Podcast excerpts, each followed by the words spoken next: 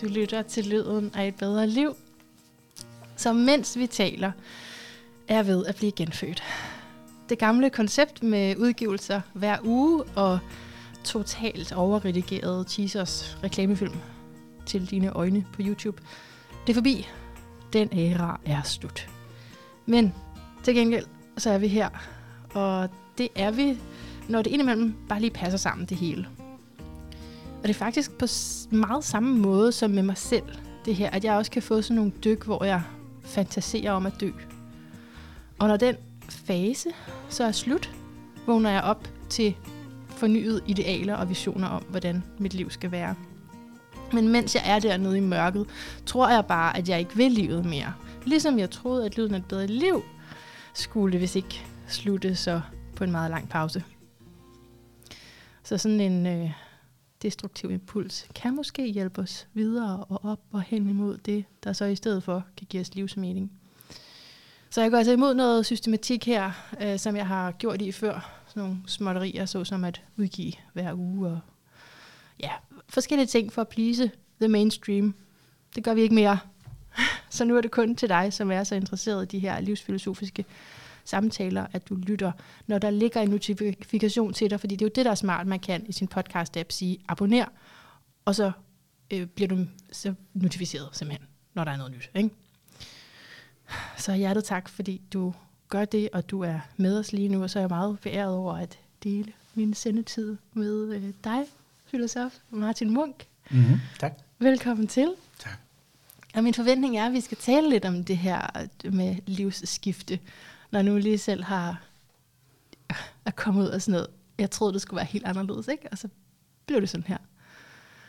Øhm, men først kunne vi måske tale lidt om din indgang til filosofien og din kærlighed til det, din drivkraft, mm. som jeg jo kan læse på din hjemmeside også handler om at øh, løse nogle af ja, hverdagens problemer.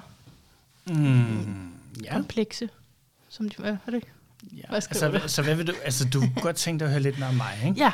Alright, øhm, også min tilgang til filosofi, ja. fordi den er nok ikke lige så meget andet. Øh, det er det sikkert, og sikkert er ikke, ved jeg. Men altså, jeg er jo akademisk uddannet filosof. Det vil sige, at jeg har været øh, igennem hele misæren af akademiske tekster og tænker, ja, især vester, vesterlandsk filosofi, men også i Østen. Så jeg har sådan været rundt omkring over det hele. Okay. Øhm, så jeg har sådan, det er sådan min akademiske baggrund. Øhm, men meget tidligt gik det op for mig, at jeg egentlig synes, at, øh, at filosofi og det at filosofere lå rimelig langt væk fra det, som, som vi lavede inde på, på universitetet. Øhm, vi blev klogere på, hvad en masse mennesker har sagt, men det var ikke altid, at vi var lige gode til at blive klogere på, hvad vi selv tænkte og følte. Ah, og sådan. Så, så, øhm, så du siger bare lige for at recappe, at filosofi blev ligesom, altså noget, det er noget andet, end det I studerede. Der er studeret i forskellige filosofer, men du tænker filosofi? Ja, jeg, har, jeg, jeg ledte i hvert fald efter at få lov til at filosofere ja, selv. Ja. Øhm, og det, øh, det tror jeg havde, det tror jeg havde lidt, altså jeg havde heldigvis nogle vejledere og en professor, som var meget åben over for, at det faktisk var det, der var måske det fineste, af, af, som man kunne som filosof. Det var måske ikke at gengive, hvad andre havde sagt, men men måske selv finde ud af, hvad det er, man, man tænker, ja. og øhm, hvad det er, man lever efter, og med det som er bred forstand. Øhm, I hvert fald så var det det, jeg havde brug for. Øhm, og så kræver det jo nok en, altså kræver det i hvert fald en del år at grave sig ind i alt det her filosofi, fordi man står ikke alene. Altså, vi har mange tusind års øh, måder at blive klogere på, hvordan mennesker bliver klogere på sig selv og verden omkring sig. Så altså, man kan så sige, at, at svømme de der øh, mange længder bøger, som skulle igennems, inden det, det var, som for ligesom får et, et kort over menneskets idéhistorie og menneskets måde at filosofere på selv, jamen så skal man grave sig ned i en masse tekster. Fordi mange af de problemstillinger, som jeg selv sad med, ja. det var der faktisk også andre, som gennem historien havde taget op. Og det var måske en af de vigtige ting omkring, at for mig og mødet med filosofi, det var at finde ud af, jamen, hov, altså, der er nogle af de her spørgsmål, dem står jeg faktisk ikke alene med. Øhm, det er der rigtig mange andre før mig, som har bakset med. Og det er nogle svære spørgsmål. Og det er faktisk okay. Altså, fordi det er rigtig, rigtig svært at få hold på mange af de her ting. Så det for det første for mig, tror jeg, var sådan en stor befrielse. Det var, at jeg kunne få lov til at sidde og sige, okay, fint nok, jeg er ikke alene. Der er andre før mig, som har gået den her vej. Men det er altså, man for, for, for sådan ligesom at trække den videre derfra, så der, hvor jeg er hen nu, så tror jeg, at jeg fandt ud af, at der var, i hvert fald i min optik, var der lidt, lidt lang afstand imellem det, vi lavede på universitetet, som var sådan meget forskningsbaseret Aha. filosofi, Aha. og kan man kalde det den alment praktiserede filosofi. Det vil sige, hvordan er det, vi som ganske almindelige mennesker i virkeligheden filosofi over vores liv, fordi det, det tydeligvis bliver gjort på en anderledes måde, end den måde, vi praktiserer akademisk filosofi på. Så det var jeg meget fascineret af. Og det er jeg faktisk stadigvæk så meget, ja. at øh, jeg har ikke lavet andet, øh, siden jeg blev færdig med mit studie. Du, du skriver på din hjemmeside, igennem de sidste 11 år har jeg arbejdet med og forsket i, hvordan vi filosoferer, ja. og hvilken indflydelse det har for de beslutninger, værdier og perspektiver, vi udvikler om verden, andre mennesker og ikke mindst os selv. Mm. Den, den kunne jeg bare rigtig godt lide. For sådan, Ej, uh, spændende, du, du har arbejdet med og forsket i, hvordan vi filosoferer. ja, og det er faktisk, fordi det, det er der ikke så mange filosofer, der synes uh, måske er så relevant. Vi er mere optaget af det mere normative, det vil sige, hvad er det, der ligesom er skældsættende for noget? Hvordan vi forstår verden på en bestemt måde, og, og, og ligesom at afklare det er meget skarpt. Og når man bevæger sig ud i det felt, som jeg er nu har trådt ud i, så bliver det meget hurtigt... Øh, kan man sige, blandet og forvirrende og øh, meget individuelt. Kan man sige noget generelt omkring mennesket ved at kigge på et individs menneskes måde at filosofere på, for eksempel? Ikke? Og det, det, øh, det tror jeg ikke øh, alle nødvendigvis synes, at alt sammen har noget med akademisk filosofi at gøre. Så der har jeg nok følt, at jeg var sådan, okay, den opgave, den er jeg nok lidt alene om. Jeg tror ikke, jeg er alene om det, altså sådan i, i sådan almindeligt menneskeperspektiv, så tror mm. jeg, at jeg i virkeligheden er blandt lidelsesfælder rigtig, rigtig meget. Mm. mm. Øhm, fordi jeg tror, at, at vi alle sammen har brug for at filosofere i virkeligheden mere, end, end vi nok i virkeligheden selv er helt klar over, at vi gør. Og øhm, også måske mangler fornemmelse af, hvilken indflydelse det har på det liv, som vi lever. Så hvis, der, hvis jeg skal se en dikotomi i det, du laver, så eller et skæld, så er det det ene, det er det akademiske, som måske leder efter hvad, noget mere universelt, eller noget, der hører til inden for forskellige traditioner, og så det, du siger, som er mere individualistisk, er det sådan? Ja, det er i hvert fald nok mere almen menneskeligt. Ikke? Ja, altså det, okay. det, vil, det vil den generelle filosofi også gerne beskæftige ja. sig med. Men der er også en personlig mm. dimension. Mm. Altså der er noget, der er personligt for mm. os. Mm. Der er en måde, hvorpå vi, øh, vi går til verden på, som, som på en eller anden måde er altså den, man kan sige, det er, jo, det er jo en form for livsopgave, vi, øh, om vi ved det eller ej, påtager os, når vi nu engang er her. Altså øh. alle har jo en filosofi. Ja, det, det jeg mene. Det er ikke måske... sikkert, at man har i talesat den, eller skrevet ned, eller forstået, hvad man går ud på, men ja. tror du ikke, alle har en filosofi, som det... ligger under, hvorfor man gør, som man gør? Øh, tror du det? Nej. Det er, altså nu har jeg snakket med mange mennesker, ja, ikke? Ja, altså, ja, altså, i større og mindre grad, vil jeg sige. Ikke? Øhm, der er mange, der betragter filosofi som at være en meget abstrakt det vil sige meget virkelighedsfjernt, og ikke rigtig have noget at gøre med øh, de hverdagsagtige ting, som de render rundt med. Det kan være store spørgsmål om Gud eksisterer, eller hvad er meningen med livet og sådan noget. Og det, hvis man prøver du ved, at svare så store, kanoniserede nej. spørgsmål som det, mm. jamen, så bliver det abstrakt. Ej, så, på den måde. Ja, så, så på den måde, så tror jeg, der er mange, der har det med, at det får dem til at fjerne sig fra sig selv øh, fordi det virker som en abstraktion. Det vil sige, det er noget, der ligesom går ud over det liv, de rent faktisk lever. Det er også fordi, der i filosofien vil være flere spørgsmål, end der er svar. Man kan så sige, at måske er mm. øh, for filosofiens opgave at finde ud af, hvordan er det, vi spørger til noget. Ja. Øh, en af opgaverne kunne være det, ikke? Mm. Øh, frem for videnskaben, som så prøver at levere svarene. Ikke? Mm. Øhm, mm. Men der ligger jo rigtig meget af den måde, vi spørger til tingene på. Mm. Den måde, vi undrer os over, hvordan noget er på. Men hvad så, Martin, når der kommer nogen til dig, som har nogle af de her problemstillinger i deres liv, og der for eksempel er, er noget, som er ude af vores hænder, som sker. Hvad, har du sådan en, en teknik, eller er det rent dialogbaseret, du går til folk? Jamen, det der i virkeligheden er det vigtige her, det er at finde ud af, som du selv siger, at alle har en filosofi. Ja. Jeg måske ikke være lidt mindre radikal end dig, at så sige, at alle filosofier nok. Right. Okay. så ja, altså, ja, ja. At, at have en bestemt filosofi, det, det er sådan ligesom, at så man nået til en erkendelse om, hvad, hvad ens egen visdom er, og hvilken kærlighed man har til det. Det er måske mm. sådan meget flot sagt, at mm. alle mennesker har det. Det tror jeg ikke, at alle mennesker mm, har. Men jeg, okay. altså, det kan være, at der er nogen, der har det. Jeg skal ikke gøre mig til dommer over det. Men, men hvad hedder det? Men jeg tror, at hvis vi skal sige noget, alle mennesker gør, mm. i større eller mindre grad, så er det at filosofere. Mm. Og det tror jeg egentlig er umuligt andet.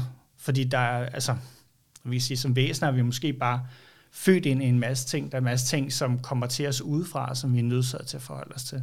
Der er forandringer, som vi er nødsaget til at forholde os til.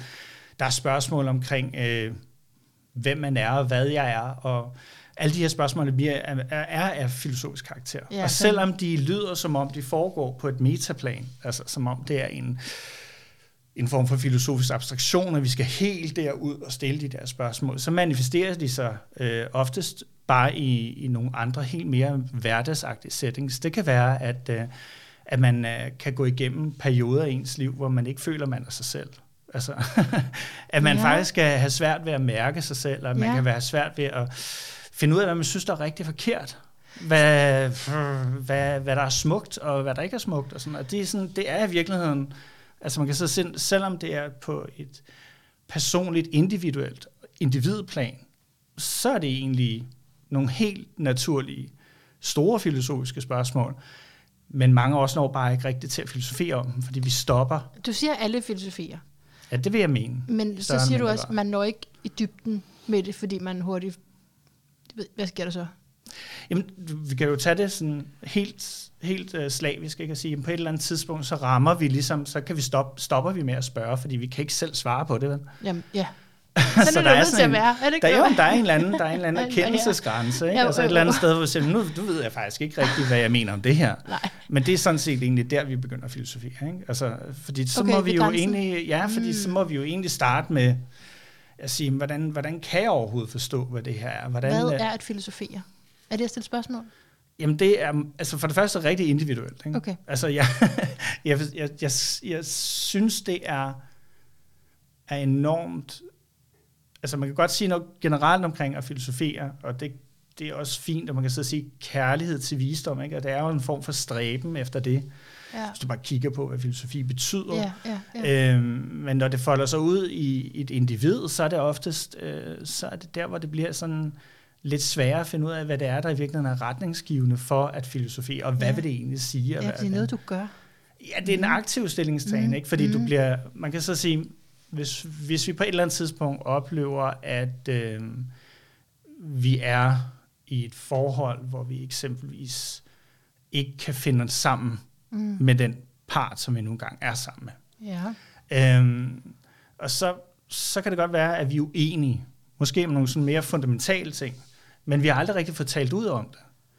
Så vi ved i virkeligheden ikke sådan helt grundlæggende, hvad det er for nogle værdier, vi som menneske selv har det bliver mere tavst i vores øh, forhold. Nogle forhold de er meget åbne omkring det her.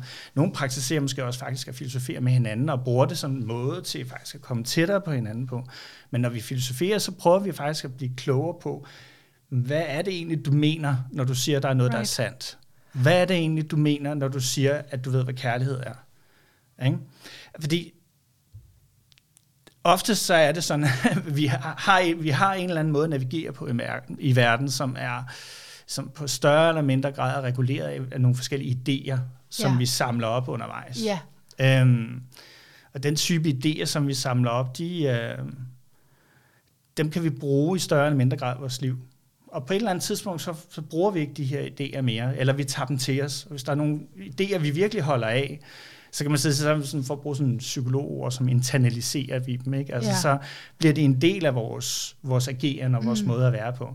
Og så, øhm, så er det egentlig okay. Så bliver de stiltigende, men det er jo ikke fordi, de holder op med at være der, nu lever vi dem bare. Mm-hmm. Og når det så er, at vi er sammen med en partner, som øh, tydeligvis ikke er ligesom vi er, sådan er det meget sjældent med partner, man møder en, der er fuldstændig spejlidentisk, ikke? Så bliver vi udfordret på nogle af de her sådan, grundlæggende opfattelser, som vi i virkeligheden har taget for givet. Aha. rigtig, rigtig længe. Hun har nogle andre værdier. Eller Han eller hun idéer. kan have nogle andre idéer, idéer eller, mm. eller, eller værdier, som i virkeligheden kan komme på spil. Mm-hmm. Øhm, og nogle af de måder, vi bliver bevidste omkring nogle af de ting på, det er ved at præsentere os selv over for nogle dilemmaer. Okay. Øh, hvor vi faktisk skal tage stilling til nogle ting. Okay, så vi kan ja. så sige, når vi, mm. når vi så prøver at svare på et dilemma, et dilemma er der for eksempel ikke, hvad karakteriserer et dilemma, er der ikke er et svar. Ikke? Ja ja, så vil det ikke være et dilemma. men ja, men ja. altså stadigvæk, så hvis du præsenterer nogen for et dilemma, mm-hmm. så vil de ofte gøre brug af en eller anden form for overbevisning, og en bestemt måde at filosofere over tingene på, som ligesom fortæller, hvad det er, de synes, den værdi nogle gange er. Så man kan sige, når vi filosoferer, så mangler vi, og det, det er faktisk måske det, der er kernepunktet her, når omkring at filosofere, det er, at når vi filosoferer, det er min erfaring i hvert fald, når vi filosoferer, jeg filosoferer sammen med andre, så er det fordi, de oftest har siddet helt alene med det her med at filosofere. De, de, de, de taler ikke rigtigt om det. Og det er en af de ting, jeg synes, der er meget interessant omkring det her med at filosofere, det er, hvis vi skal sige noget om, hvad det er, i, i hvert fald i forhold til den erfaring, yeah. jeg har med det, yeah. så er det, at det er meget, meget stilsigende. Det er, det, er, det er ikke noget, vi taler særlig højt om. Og så bliver jeg nysgerrig på grænsen imellem at filosofere og at overtænke. At overtænke, det, det, det er meget nemt. Det gør vi næsten alle sammen. Fordi jeg tænker at man sidder der i sit stille sind, ja, men det, og det, det kører jeg, rundt. Ja, men det er jo det, er der, hvor du laver sådan det, man kalder i filosofien, kalder man det en cirkelslutning. Ikke? Altså, mm. at, at det spørgsmål, du i virkeligheden er interesseret i at undersøge, det har du det kører du, på. Ja, og du kører faktisk i ring med det. Ikke? Altså, sidder faktisk fast. Øh, ja. Og, og der, der er man nogle gange nødt til at få nogle andre perspektiver på den måde, man spørger på, mm. for at kunne bryde altså den cirkel, ikke? Øh, den måde at resonere på. Mm. Øhm, og det kan være rigtig svært at gøre alene. Ja. Det er faktisk derfor, man har brug for at filosofere. Og brug for sådan en som dig. Ja, for eksempel. For, for, for, for at stoppe dig op en gang mellem og sætte spørgsmålstegn ved, hvad er det i virkeligheden, det er, du tager for givet. Ja. Øhm, og det nytter ikke noget, det er. Øh, altså, det, er nød, det er rigtig, rigtig vigtigt, at der bliver spurgt ind til den måde at filosofere på, fordi Øhm, ja, fordi hvis du bare kommer med noget, og så går man hjem, og så kører det de samme runder igen. Ja, det er den ene side af det. Så det skal afbrydes, eller hvad? Ja, det, der, der sker ofte en, yes, man forstyrrer ofte skærne ja. lidt, øh, når det er, man filosoferer med hinanden, fordi mm. i virkeligheden, så, øh, så er det ret svært at filosofere med andre mennesker, hvis det er, du ikke på en eller anden måde går lidt ind over, hvad er det i virkeligheden, det er, du siger? Hvad er det, du prøver at fortælle mig af din værdi? Ja. Hvad er det i virkeligheden, der er grunden til, at du gør de her ting, mm. som du gør? Mm. Og når vi så øh, prøver at filosofere og fremlægge, det er rent faktisk sådan her, jeg ser verden, mm. så øh, er vi nok oftest tilbøjelige til, hvis det er, vi når så langt overhovedet, bare at sige, Nå, okay, det er fint nok, det er din måde at se det på. Og så er vi, så er vi sådan set lige vidt, ikke? Ja, så bevarer man venskabet. Ja, det er og ikke det, sikkert, man bliver klogere. Det er ikke sikkert, man bliver klogere på hinanden, og det, øh, man kan så sige, hvis, altså visdom har jo nok også den der indbygget kærlighed i sig, i hvert fald i filosofisk regi, hvor at, at der skal være en form for kærlighed omkring det her. Desværre så oplever man også rigtig meget i dag, at når det er så folk, som ligesom prøver at filosofere, så, så bliver det filosofi mod hinanden. Ikke? Altså, ja. så, bliver man, så kommer man nærmest sådan lidt op og skændes om, hvem mm. det er, der har ret. Altså, hvem har ret på, hvad virkeligheden er indrettet på en bestemt måde. Ej, det kender jeg godt, og det er især, øh, når jeg snakker astrologi med en anden. Ja, men, men det, vil heller ikke, det, det, vil heller ikke være, det vil heller ikke være underligt, uanset om man er astrolog, eller man er biokemiker, ja. eller forsker inden mm. for et eller andet givet felt, at så vil der være et tidspunkt, hvor man, man, man har øh, når en form for uoverensstemmelse, fordi det grundsyn, man i virkeligheden opererer på, det den filosofi, man i virkeligheden er, den måde, man filosoferer på, er noget, du har opbygget over rigtig, rigtig lang tid. Det er svært at flytte sig fra, ikke? Og det er ekstremt svært at flytte sig fra. Og det, og det er også derfor, at, at man kan sidde og sige, at, at meget af det her med at filosofere med hinanden handler i virkeligheden om at få, få åbnet det rum op mm. og få sat ord på nogle af de der ting. Fordi mm. faktisk er vi, altså mangler vi øvelse i at filosofere med ikke bare internalisere i sig selv, men sammen med en anden partner. Og det, øh, det er i hvert fald det, det, det den mangel, man kan sige, jeg ligesom har fået øje på, mm. ved ligesom at træde ud af det. Det er, der er faktisk et akkumuleret behov for at få lov til at filosofere. Som er noget andet end det, du nævner, når du siger, at du læser altså de akademiske bøger, fordi ja. jeg har også læst, jeg har læst øh, pædagogisk filosofi, ikke? Yes. og det var også altså mindblowing. Det har samme oplevelse, det der du siger med, at, at man har nogle spørgsmål, man har gået med, og de pludselig var bare, okay, folk fra mega mange år siden har stillet de samme spørgsmål. Ja. Så bliver både sådan, det er både lidt pinligt, men samtidig også meget rart. Ja. At øh, så har der, de jo trods alt fundet øh, flere svar, end jeg selv lige havde gjort. Ja. Og så kan man gå med det. Men så det her, det er noget andet end... Altså, ja, hvad er forskellen? Jamen, med forskellen dig, og til bare man læser forskellige Jo, filosofer. for eksempel, man kan sige, forskellen det er jo, at, at, at her, når du læser hver andre, så er det ligesom færdigkrystalliseret filosofi. Så er der ligesom det forbearbejdet, det er, at du kan gå hen på filosofihylden, og så kan du finde noget om erkendelsesteori og ontologi og sådan lidt af hver. Tag det ned, og så kan du finde bestemte tænkere, som ligesom har noget at skulle have sagt inden for det. Aha. Og det er alt sammen fint. Det er sindssygt vigtigt, at vi Mm. stadigvæk har akademisk filosofi, og der bliver forsket i det på den måde, som der gør det. Det kan kun bidrage. Og jeg kan kun hylde det rigtig, mm. rigtig højt. Jeg synes, det er enormt vigtigt. Men, men når det så er, at vi ligesom kommer ind, lukker værelset, kommer hjem til os Mm. selv og sidder alene, Mm. og så de stunder der, hvor det er, at vi måske netop sidder og filosoferer for os selv, så kan det være tidspunkter, hvor, hvor at, at vi kan opleve, at, at ofte så det, har det sådan en negativ konnotation. Ikke? Altså sådan, det, bliver, det, bliver, det kommer af, ja, der er et eller andet, der ikke er, som det skal være. Ja, det er jo der, man starter. Ja, ikke? Det kan, altså, det, kan det man- godt være, men det behøver det ikke at Nå, være. okay. Men, det, men det kan ofte starte som at have sådan, åh, pokkers også, altså hvorfor er, hvorfor, er- hvorfor er jeg her, hvor jeg er? Altså, hvad pokker i det? Hvorfor, hvorfor gjorde jeg det her, som jeg Hvad er gjorde? meningen Og med hvad, det hele? Ja, lige præcis. Hvorfor blev jeg overhovedet til? Det var slet ikke mit eget valg. Nej, lige præcis. Altså, og, og så kører øh, spørgsmålet i sådan en, en, en, en, en, en strid strøm, ikke? Ja. Ja. hvor uh, man får stillet uh, alle de her spørgsmål, og, og, og de får egentlig bare lov til at være der. Og man kan ikke rigtig gjort noget ved det. Altså, du får ikke, du får ikke ryddet op i det. Du får ikke mere afklaret om, hvad det er, du mener. Og du får heller ikke egentlig udviklet noget nyt, et nyt begrebsapparat for dig selv. Det er måske noget af det, der er det vigtige, når det er, at vi snakker om at filosofere. Så fordi et er, at vi bliver klogere på, hvad andre har tænkt. Mm. Vi bliver klogere på, hvad, hvordan vi selv tænker i forhold til dem. Men så er der faktisk en dimension, som er meget vigtig, og det er sådan, hvordan begrebsliggør jeg noget nyt for mig selv? Ja. Hvordan er det? Uh, fordi det, det, det har vi måske lidt en tendens til at overse. Vi faktisk, det er egentlig okay. Du må godt, du ved, lave, du må godt begrebsliggøre noget for dig selv. Du må godt filosofere over noget. Det er ikke sådan, at virkeligheden det er set in stones, vel? Altså, du Nej. må godt åbne dig op over for det, og prøve en gang selv at sætte ord på, hvad Mm. er det i virkeligheden, du mener, der er problemet her? Hvad kunne jeg synes? Hvordan forstår du, hvad det her problem er? Mm, Ikke? forstår jeg det. Mm. Ja, fordi det, Mm. det tror jeg, vi måske har en tendens til sådan at stoppe os selv i. Mm. Øhm, jeg, havde et, jeg havde en snak med en herre på et tidspunkt, så sagde Martin, jeg har aldrig nogensinde, altså, nu er jeg 70 år, jeg har aldrig nogensinde snakket om det her med min kone, eller mine børn, eller nogen mennesker omkring mig. Det er først nu, at jeg sætter ord på det her. Oh. Og det er lidt, det er ret vildt. Ikke? Jo, jo. Men det fortæller også noget om, hvor, hvor langt vi er fra det her med at filosofere. At det er, altså som jeg sagde, det er noget, vi oftest holder lidt for os selv, eller så er det noget, vi bannerfører. Ikke? Ja. jeg har fundet svaret, nu er det det her, vi skal ud, og det er sådan her, vi skal gøre tingene. Men, men, men Der er et det, stykke imellem de to. det er der, og der er, der er rigtig meget plads, og mm. det er jo Mm. egentlig der, hvor jeg mener, der er et, et rum, som i meget større grad, end det bliver gjort i dag, ligesom kan tillade sig at blive åbnet op, fordi at der ligger så meget godt derinde i os, øh, som i virkeligheden venter på at komme frem. Og det er det, jeg oplever mange, gennem mange af de dialoger, jeg har. Der ligger noget i os, der venter på at komme frem. Hvad er det?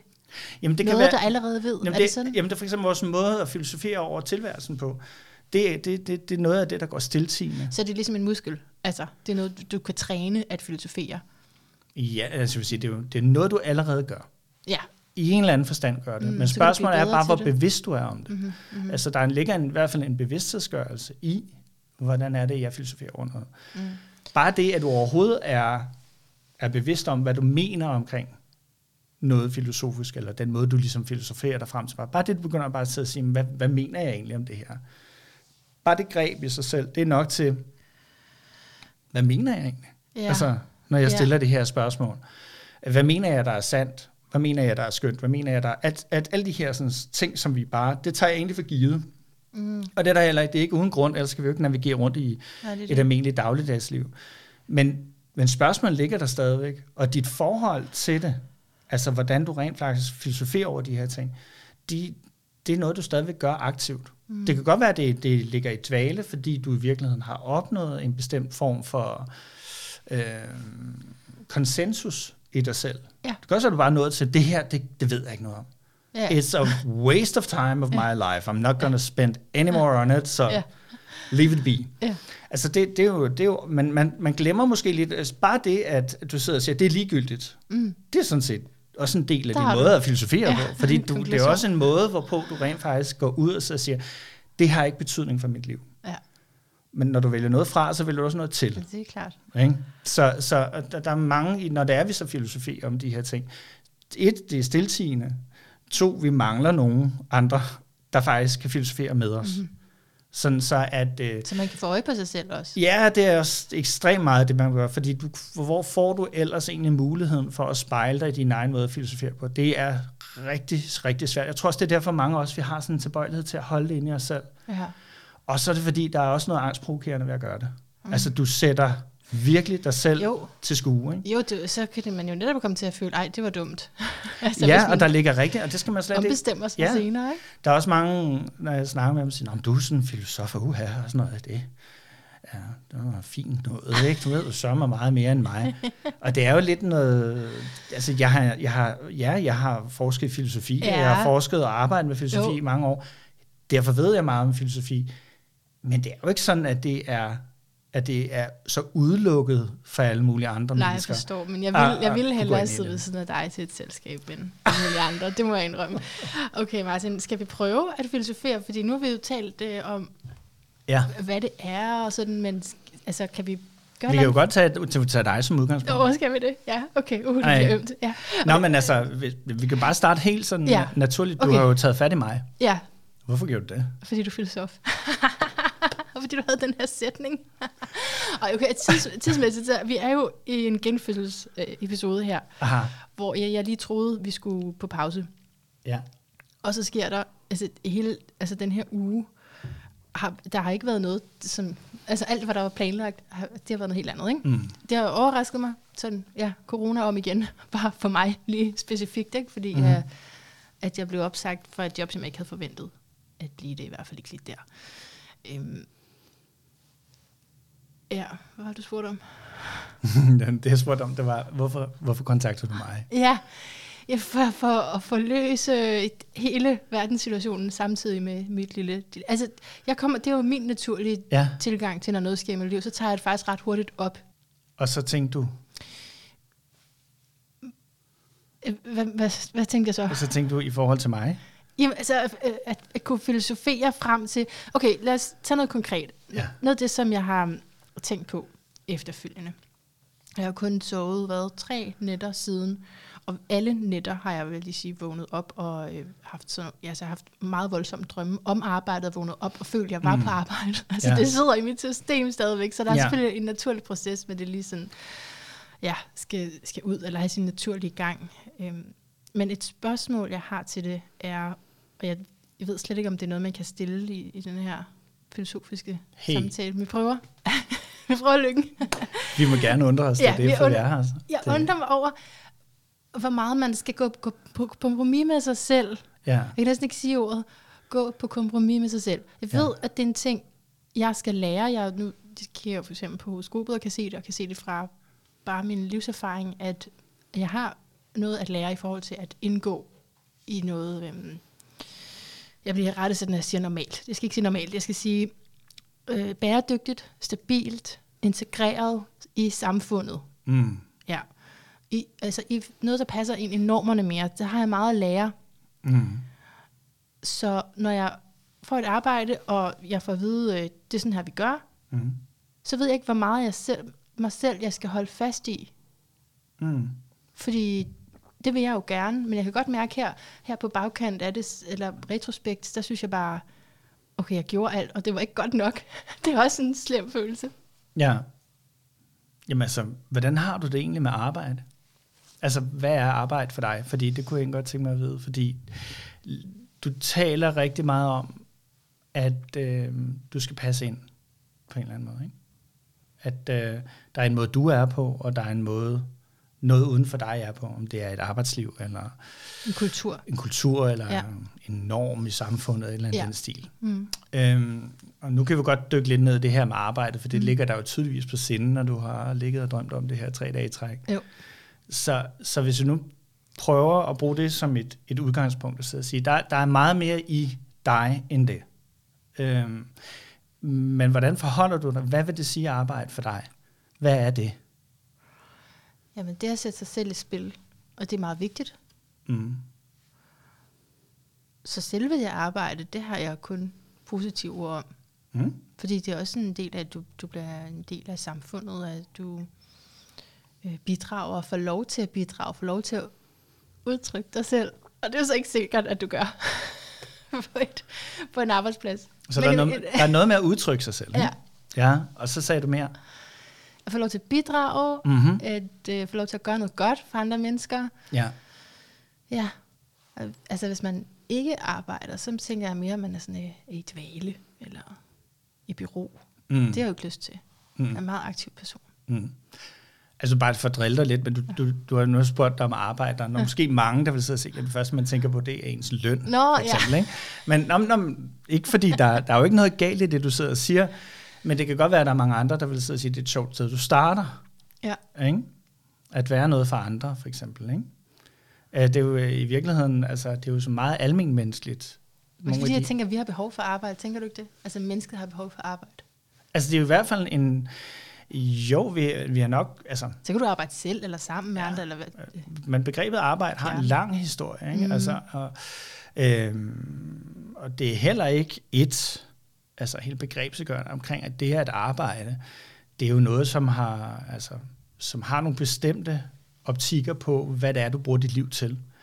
Så jeg tror, at, jeg tror også, at- når det er, vi snakker arbejde på den måde, som du gør det, så fjerner du dig nok lidt væk fra, øhm, kan man sige det, den der mere samfundsbaserede måde, vi går til, til det her arbejde på. Og så siger du, at det er godt at arbejde. Det er faktisk også meget sådan, det er bare det er sådan en dyd Ja. at arbejde, ikke? Altså Jo. set som noget dydigt, noget Ja. godt. Øh, og det er vigtigt at gøre det. Mhm. Øhm, men jeg ser bare ikke heller ikke, at du, du snakker om et lønarbejde. Det er ikke, jeg hører ikke dig tale om det på den måde, som om, at det, det er det, du karakteriserer som at være arbejde. Så allerede nu, ud fra det, du har fortalt mig, Ah, så vil sige, at du sondrer imellem to forskellige ting, aha. når du arbejder. Det, som er det Ej, det lønbaserede, det her. det, som er det lønbaserede, Mm, mm, der hvor du får dine penge fra, Mm. øhm, der hvor der ligger nogle opgaver, som allerede er defineret. Altså, du skal ikke selv tænke i det her. Øhm, vi har ansat dig til det her. Ikke? Allerede her er du lidt personligt selv i overensstemmelse med det, du gør. Jeg ved ikke, om du kan du, se ja, det. Du sagde, jeg, jeg hørte kun én. Nej, jeg hørte jeg ikke ordentligt efter måske. Nej. Du sagde, jeg sondrer imellem to, og så hørte jeg kun én. Nej, måske. Nå, men du sondrer imellem, øh, du sondrer imellem det her med, at der er nogen udefra, der Ja. kommer. Der er ligesom et prædefineret Ja. arbejdsområde, Ja, som du ligesom så? skal arbejde indenfor. Ikke? Mm. Og det andet, det er det, den, den måde, du selv beskriver det at arbejde på. Aha. Når jeg spørger dig ind til, hvad, vil, Ja. ja. hvad forstår du ved at arbejde, Ja. så er det, du fortæller om Ej, det. hvor er det interessant allerede. Det Det, har- det var bare et spørgsmål. Ej, Ja. hvor er det spændende. Men ja. det her, det har faktisk ikke rigtig noget at gøre med det arbejde, du laver. Nej. Så, så man kan sidde og sige, hvad, hvad er opgaven så her? Altså, jeg vil lige sige til lytterne, vi har jo slet ikke talt sammen før. Nej. Jeg synes bare, det er meget... Nå, Nej. Men, men her, men allerede det her Ja. ja. med, at du faktisk begynder at, at åbne op for, hvad arbejde er. Og det er også, fordi du tillader dig at åbne op for dine værdier. Ikke? Ja. Det, det er jo ikke kun tilfældet, at, øh, at arbejde er lødmodtagerjob 8-4 hver dag. og Sådan. Det kunne der godt være nogen, der sagde. ja. Og mente, at det var den måde, jeg tænker omkring det at arbejde på. Mm. Det er sådan, det er. Ja. Men det gør du ikke. Nej. Du tænker ikke på den her måde at arbejde. Og jeg hører dig mere trække hen imod, at det er noget, der har noget med dit liv at gøre. Ja, jeg kom til at sige det med udtrykket, der kunne jeg godt selv høre. Ja, men altså, du kan jo ikke nødvendigvis, nødvendigvis udtrykke dig selv, for eksempel med et arbejde inden for det sociale arbejde, som jeg har haft, og som jeg skal have igen lige om lidt, regner jeg med, ikke? Ja. Så Men- ved jeg men godt, at det er spørgsmål- jo ikke det kreative, altså det er jo ikke sådan mit hjerte, der bliver udtrykt, eller... Måske er det også derfor, du har det her podcast. Mm, ja, det er det. At Og det, det føles så godt at være i gang igen. Ja, at det, er, at det er der, du har brug for at få åbnet op. Ikke? Fordi Jo. at der, og der, sker, der sker jo så også en, en, en form for dualisme, en splittelse, altså mellem, Ja. hvad, hvad arbejde er, og hvordan du opfatter, hvad arbejde er. Men kan vi så gå videre, fordi Ja. så... Eller nej, skal, du kan også styre jo, det er bare mig, der er nysgerrig. Nå, men det, prøv at høre, det er jo ikke sådan, at jeg skal være styrende. Det Nej. er faktisk rigtig vigtigt, fordi hvis du støder på et eller andet her, Ja, som du har brug for at sige, så er det bare om at sætte ord på. Okay, men så over til det med, hvor meget man skal indrette sig efter, Ja. hvordan det er. Mm. Øh, jeg har jo ikke lyst til at bare forblive, hvor jeg er. Kan du følge mig? Jeg har på en rejse, jeg vil gerne udvikle mig, så når jeg kommer ind mm. på et nyt arbejde, så vil jeg gerne imødegå alt, hvad, hvad der er der. Ja. Det er også ret sikker på, at du godt kan. Nu ved jeg ikke lige præcis, hvad det er for en form for arbejde, du kunne tænke dig, eller sådan noget. Men det er ikke umuligt. Der er mange af os, der, der tænker, at det kan ikke lade sig gøre, og, og du ved, at applicere eller bruge hele mig selv igennem et arbejde, fordi jeg er for kreativ, eller ja. jeg er for udtryksfuld, eller øhm, øh, du sagde også for eksempel, da du mødte mig, du, når du er filosof, men laver du også musik? Ja, det gør jeg også. Ikke? Altså, jeg, var... jeg, jeg er meget bred i min... Altså, det er fordi, sådan er jeg som menneske. Altså, det er fordi, men... jeg selv bliver pinlig over ikke at have fundet ud af det, inden du kommer. Det er mere det. Nå, nå okay. det var altså, det er ligegyldigt. Men, men, men det, der er i det, det er jo bare, altså, at det, det er vigtigt, tror jeg, at, kom, at komplementere et arbejde, man har med de værdier og de ting, man selv står for. Øhm, og det kan man jo altid sige, det kan jeg måske ikke gøre i større eller mindre grad. Ja, men hvordan gør du det? Og er du bevidst om, hvordan du gør det? Fordi nu beskrev du det her job, for nu jeg, jeg kender slet ikke den situation, Nej, men det er også, du har været Det, der er interessant, jo, det er, at filosofien det er nedunder. Og det er det, jeg helst vil tale om lige nu, for at åbne ja. det op for flest mulige. Og hvor de andre ting, netop hvad det er for en job, og, ja. og, og når jeg også spørger til det her, så er det ret konkret, hvor, hvor meget skal jeg gå på kompromis med mig selv, hvor meget mm. skal jeg gå ind i det. Altså, det er egentlig ret konkret, men er der ikke noget nedunder, som afgør det? Nej, jo, men altså både og, ikke? Altså, mm. fordi jeg, altså, nu bruger vi rimelig kort tid på det her, men der ligger jo rigtig meget omkring din opfattelse af, hvad det vil sige at arbejde, okay, hvad det er. Okay. Der er meget mere i det. Og jeg tænker bare, øh. den har jeg forstået nu. ja, ja, jo jo, men altså, altså, fordi det, som der er det interessante her, det er, det er jo splittelsen imellem det, det job, du havde, ja. og den måde, du definerer det på. Så der er, vi sådan, ja. der, der, er stadigvæk, øh, der er stadigvæk langt derhen. Du siger også selv, det gjorde du i hvert fald lige før, at du skal tilbage i nogenlunde det samme arbejde ja. igen. Ja, ja, ja. Øh, og det tyder jo så lidt på, at du i hvert fald ikke har tænkt dig at overføre noget fra den anden sfære af. At det er, du laver nærmest en, opskil, en, en adskillelse af de her to ting. Hvor du så siger, at det her, det er det arbejde, jeg laver her, og hvad jeg laver for eksempel med mit podcast, mm. det er en anden form for arbejde. Ja. Ikke? Jo. Øhm, men spørgsmålet er, om de to ting ikke i virkeligheden er det samme. Øhm, men at du har lavet en adskillelse mm-hmm. i dig, mm-hmm. for at, fordi du måske har en forventning om, at meget af det her, det kan ikke lade sig gøre ude i den arbejdsrolle, som der er, eller i den type job, som mm. du, du tænker det i. Øhm, og der vil altid være nogle rammer i et arbejdsliv. Altid. Der vil altid være en bestemt måde, de opfatter dig. Det her, det er altså de primære opgaver, du skal løse på den her arbejdsplads. Klar. Men de har jo ikke haft fat i dig som menneske, vel? Og det er måske der, hvor man kan så sige, jamen, mange vil så sige, skal jeg så skifte job? Skal jeg finde noget helt andet? Skal jeg bryde ud som professionel podcaster? Er det det? Og leve mit liv øh, er slik saltet på en sten, og sådan være virkelig sådan starving artist Altså, og gå den hårde vej, ikke? Øhm, men der, der jeg tænker, der går man meget hurtigt til det konkrete. Ja. Hvor at man har måske mere at gøre i filosofien, før at man føler sig klar til at svare på de spørgsmål. Ja, og det er det, altså du, du hopper meget hurtigt. Ikke? Ja. Altså, du ved jeg også godt, du gør det for dine lytter, men det er også, skal man også tage med, når, vi lytter, ja. når man sidder og lytter til det her. Jamen, jeg, jeg er helt med. Altså, jeg at det er, at det er forseret det her, ja. fordi der er, der er noget, hvor man kan så sige, du, jeg kunne godt, nu har vi jo en tredje part, der sidder og lytter på, ja. selvom vedkommende, eller han, hun ikke er til stede, ja. hen, eller ja. for den sags skyld ikke er til stede, så, så, så er det stadigvæk en samtale, mm. som er på en, på en måde konstrueret. Jo, jo. Og det betyder så også, at, at vi hopper mange gange. Og det er problemet med erkendelse, det er, at de undfinder sig altså ikke øh, altid. Øh, altid, når det er, vi jeg gerne vil have det. Jeg synes lige, jeg fik en, faktisk. Det gjorde du. Meget hurtigt. Jo, men det gjorde du, og det gjorde du også, og det gjorde du, fordi at der, var et, der var et perspektivskifte. Ikke? Altså, der var, der, du fik lov til at kigge på, hvordan du selv definerer noget, og hvad, hvordan et, et arbejde er defineret som noget mm. ud for dig. Mm. Mm. Og den, den sondring, det, det kan man sige, det er starten. Altså det, det, det, det er jo der, hvor man kan sidde og sige, gud ja, jeg kan da godt se, at den måde, jeg opfatter det her på, mm. er anderledes end hvad den, måske en anden gens person ville have opfattet det her job, som at jeg lægger nogle andre værdier i, når, ind i det arbejde. Når folk så spørger mig om sådan meget konkrete ting, skal jeg så beslutte at lægge det hele om, og hvordan går du så til dem som filosof? Altså, Hvad stiller du så for nogle spørgsmål, som skal lede hen til nogle svar på det konkrete? Det kommer an på, hvor meget, hvor meget de har brug for, at jeg blander mig. Det er jo ikke altid, man har brug for så meget. Det er meget individuelt. Du kan bare Nogle- selv sidde og snakke, eller hvad? Nej, men nogen har, nogen har rigtig meget brug for netop at sætte ord på, hvad, Ja, ja, hvad er det, der så i virkeligheden, altså nu spurgte vi, hvad arbejde er, men vi er jo ikke kommet ind på, hvad er, altså hvad, hvad er det værdifulde ved dit arbejde er.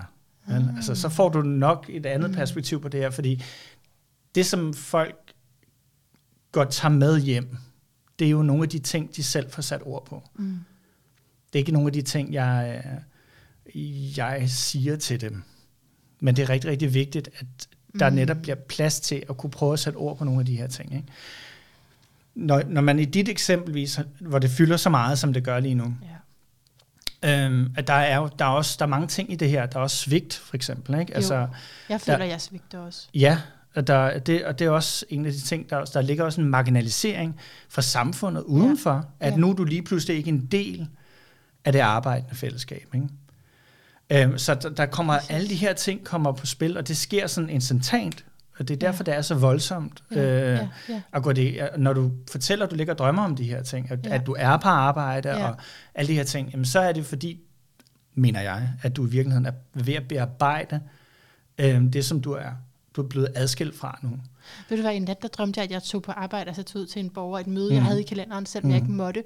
Og jeg drømte, at jeg var stoppet, men jeg gjorde det alligevel, fordi Ja. jeg ville det så gerne. Så Ja. jeg tænkte øh, i drømmen, jeg gør det, selvom det er gratis. Og så havde jeg alligevel lidt dårligt samvittighed over at have gjort det, fordi jeg måtte jo egentlig ikke. Nej. Er det, Men det, for, nej, men det, fortæller, det, fortæller, nej, men det fortæller noget om, at der er nogle normer for, hvordan du opfatter det at gå på arbejde.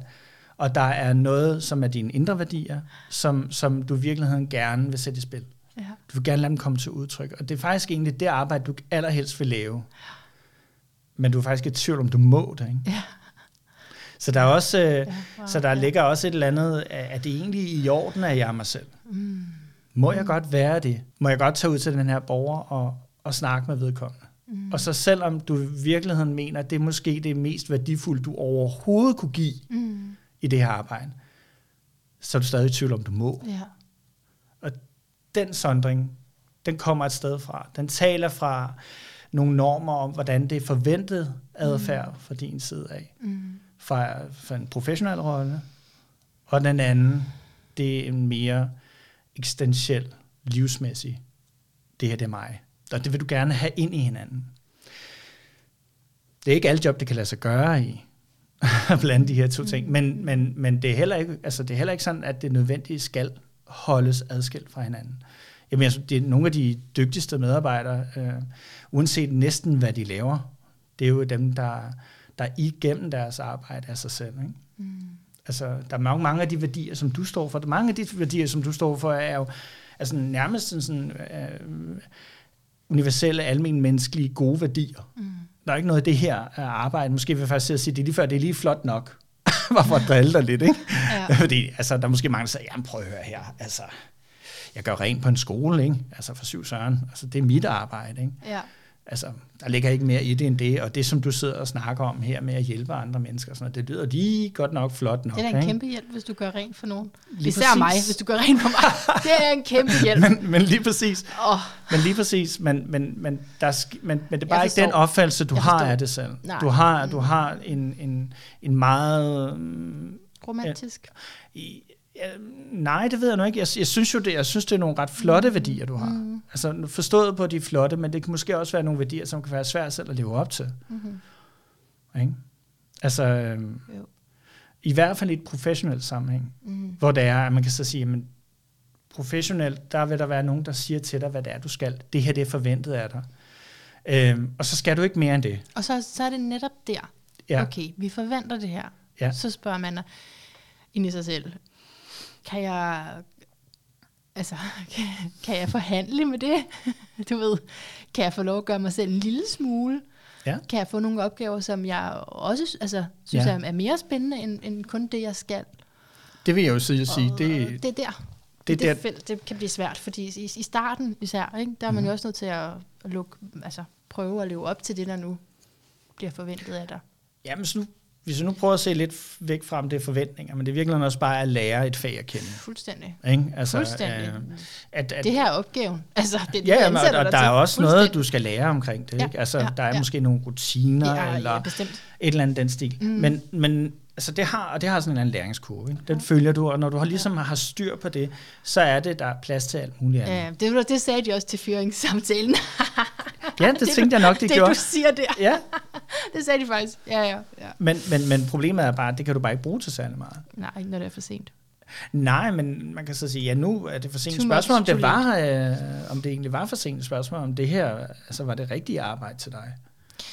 Så har jeg et spørgsmål til dig, filosof. Mm. Er din filosofi, mm, går den også ind og taler om, hvordan vi skaber vores liv? Altså, Ja, hvad er årsagen til de hændelser, der sker i et menneskeliv? ja, men det dit handler meget om, hvad det er, du skaber. Okay, I okay. virkeligheden er det, øh, altså det er måske det, der er vigtigste. Det er faktisk, ja, det vigtigste omkring at filosofere, det er, at man, man skal huske, at det, at det er noget, noget kreativt. Det er noget skabende. Okay.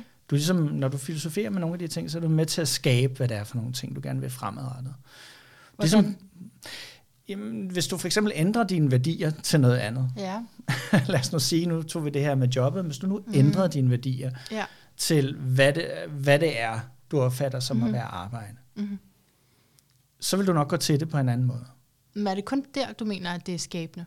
Der er ikke noget magisk i det, eller hvad? Nej, jeg mener ikke, der, er- jeg mener ikke, der er decideret magi i det. Det tror jeg ikke på den måde. Men jeg tror, at, at der er noget kreativt i det, forstået på, på en måde, som at der er en stor del omkring det her filosofier, som retter sig ud mod, hvad vi ikke ved, hvad er. En, en Ja. form for uvidshed, som ligger ude foran os. Så det potentiale der, man kan nå, Ja, men måske også altså, at netop det her, når du så sander nogle af de her ting. Ja. Jeg synes sige, du står, du, du står faktisk i en situation lige nu, hvor man kan sige, nu har du så ikke noget arbejde, men problemet, som du har i talsat her, det er der stadigvæk. Så kunne man være lidt drilsk og sige, hvad vil du så gøre ved det? Ikke? Fordi du har jo ikke gjort noget ved problemet endnu. Altså det, du finder et nyt arbejde, så det er jo ikke ens betydende med, at du ændrer noget som helst. Vel? Så der skal ligesom ske mm. en kreativ, du er nødt til simpelthen at være lidt mere kreativ. Hvordan er det i virkeligheden, jeg opfatter tingene? Og er, er, det, er, det re, er det en reelt god måde for mig at gøre det her på? Øhm, og i den her proces, der kan det godt være, at du skal lave om på nogle af dine værdier, men det kræver, at du sådan er i stand til kreativt at kunne omlægge ting ind i dig selv. Altså, øhm, det kan godt være, jeg tror faktisk, at det her podcast er et meget godt eksempel på det faktisk. Det er en måde, hvorpå du selv kreativt lad, giver dig selv lov til at få lov til at leve dine værdier. det er ligesom at være hjemme, det her. Det er ligesom, ej, nu er mig igen. Ja, det er præcis. Det er bare mig, det her. Ja. Men, men, og det er jo den, du kan sige, det, det er også derfor, du har lavet en adskillelse mellem et job ved siden ja, af, Ja. og det du gør her. Mm. Øh, det, og det, som jeg prøver at drille dig lidt med, det er, hvis det er, at du skal ændre, hvis du skal til at filosofere lidt anderledes, så, så du skal til at skabe et liv, du gerne vil have. Men fordi det hele handler jo om at ændre. Også mit spørgsmål handler jo også om, hvor meget skal jeg ændre mig i relation til et arbejde og et, Ja. en arbejdsplads. Yes. Og spørgsmålet Og er, du spørger så, jeg siger så, hvad, hvad, er det for, hvad, er det for, hvad er det for nogle værdier, du gerne vil ændre på? Fordi der er tydeligvis en forskel på, hvordan arbejde er i form for lønmodtager i det her job, og hvordan du opfatter, hvad arbejdslivet er. Uh-huh. Så der skal, du skal ligesom uh-huh. arbejde noget mere uh-huh. med, hvad er det i virkeligheden, arbejde er for dig. Uh-huh. Fordi uh-huh. dine værdisætninger omkring de her er meget medmenneskelige. Altså, uh-huh. Det handler om at passe på andre og være noget for andre. Så alle de her gode ting, som du uh-huh. sidder og siger. Men, men, men stemmer de overens med et arbejdsliv? ja, eller hvor er du det, bare skal udføre den her opgave. ja, Ja, eller ja, er det i ja. virkeligheden, fordi det er nogle livsfilosofier, som du snakker om, at det er nogle grundlæggende, eksistentielle værdier, som har betydning for, at du kan være det menneske, du er. Og når det, vi snakker om nogle af de her ting, så har vi det oftest med, at vi blander vores værdier sammen. Vi vil gerne overføre værdierne til noget andet, og sidde og sige, gid, at det var dem, der passede til det. Det er bare ikke altid muligt at gøre det. I en vis grad kan det lade sig gøre, men det kræver, at du modificerer dine værdisætninger, så de passer til virkeligheden. Og når man gør det, er det så bare fordi, det er svært at ændre sig i det hele taget. Det er svært at lave noget om. Det er sindssygt svært at Ja. lave noget om. Altså, det bliver jeg bare nødt til at sige. Også fordi mange af de her ting er jo, altså, de er jo, de er jo De tavse. har, og, og de har rødder, dybe rødder. Ja, de går langt tilbage, at du har brugt mange år på at lave dem. Ikke? Ja. Altså på at udvikle dem. Og det skal du ikke glemme. Det har været en meget, meget lang kreativ proces for dig, at kunne sidde og sætte ord på de her værdisætninger. Men ser du det ikke som om, at mennesket har så en en fast kerne, eller noget, man sådan ikke kan rokke ved, noget, du ikke kan rykke op ved rodet, hvis du beslutter, at nu skal du ligesom prøve at ændre dit værdisæt. Men så forandring i sig selv er utrolig svært at forstå. Ikke? Altså, det er, det er et filosof, mm. grundlæggende filosofisk problem. Ja. Jeg, tror ikke, Mm. jeg tror ikke, vi er helt enige om det endnu, vel? heller ikke Mm. filosoferne. Så, så, så det, man har bevæget sig ud i, det er jo, øh, altså, forandring i det hele taget er for noget. Ikke? Øhm, og, og forandring, det, det, det er ikke noget, hvor man kan sidde og sige, altså, er det noget, vi oplever temporært? Altså sådan, ser vi forandring sådan i glimt undervejs, eller er det flydende? Altså, mm. hvordan kan vi overhovedet forholde os til, er det kausalt? Mm. Er det noget, der sker, fordi at nu, bum, så uh, skete der en eller anden ting, der påvirkede os, og nu gør jeg så noget andet. Ikke? Der er mange måder Ja, at der se kan man på nørde forandring med, på. var det fordi, jeg fik tanken om, at jeg skulle klaske mit hæfte ned i bordet? Mm. Eller, altså, hvornår, hvor startede det, der lige skete der? Lige præcis. Mm. Det, det, det, det forandring, forandring i sig selv i forhold til et arbejde er en ting, men også at kunne forandre sig, at kunne lave om på sig selv. Altså ja, det kan du givetvis til en vis, en vis grad, men altså, hvis du skal lave radikale ændringer på dig selv, så bliver det rigtig, rigtig svært. Ikke? Fordi der er nok, som du også siger, er der ikke en eller anden grundsubstans, er der ikke et Ja, eller andet, som, som jeg barberer mig ned til, så, så er det nok det, jeg står for. Altså, Ja. det, det, det er, altså, jeg er nødt til at sige, det er et grundlæggende filosofisk problem, det her. Okay. Altså, om, om vi overhovedet har øh, en sjæl eller en bevidsthed på Hvad- den måde, eller om vi bare er kødrobotter, der vader rundt og bum, bum, Hvad støder tror du? ind i hinanden. Ikke? Hvad er dit filosofiske øhm, rationale, om vi har en sjæl? Øh, altså det tror jeg stadigvæk, jeg arbejder med, om okay, jeg synes, vi har, men, men, men der er der i hvert fald nogle ting, jeg vil sige omkring mit eget bevidsthedsliv, som, som synes at være givet for mig, på en måde, der er ret anderledes end alt muligt andet her. jeg har helt vildt lyst til, at du uddyber dit bevidsthedsliv. har vi tid? Ja, men øh, vi er, vi er, nu er vi gået ud af, af det her eksempel med Ej. mig, ikke? og nu går vi lige over til dig, og ja. så har vi dit horoskop tilbage, og Ah, du skal ej. trække et kort, så, så det har vi tid til. Ja, altså... Øhm, Eller hvad mindre. Jeg ved ikke, hvor langt svaret er jo. Men... Ja, nej, men det er også det der med bevidsthed, hvor det, der er jo et eller andet, der er et eller andet omkring det her med, med bevidsthed og med selvbevidsthed, og det er at være bevidst, og har man overhovedet en sjæl eller et eller andet. Ja. Øhm, og nu glemte jeg, hvad spørgsmålet var. Jamen, det var fordi, du brugte udtrykket af mit bevidsthedsliv. Ja.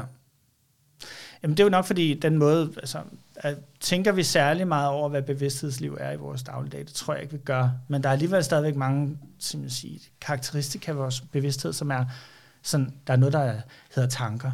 Mm. Altså, der er også noget, der hedder forestillinger omkring et eller andet. Du brugte også selv ordet fantasi mm. på Mhm. et tidspunkt. Ikke? Altså, det, vi kan forestille os noget.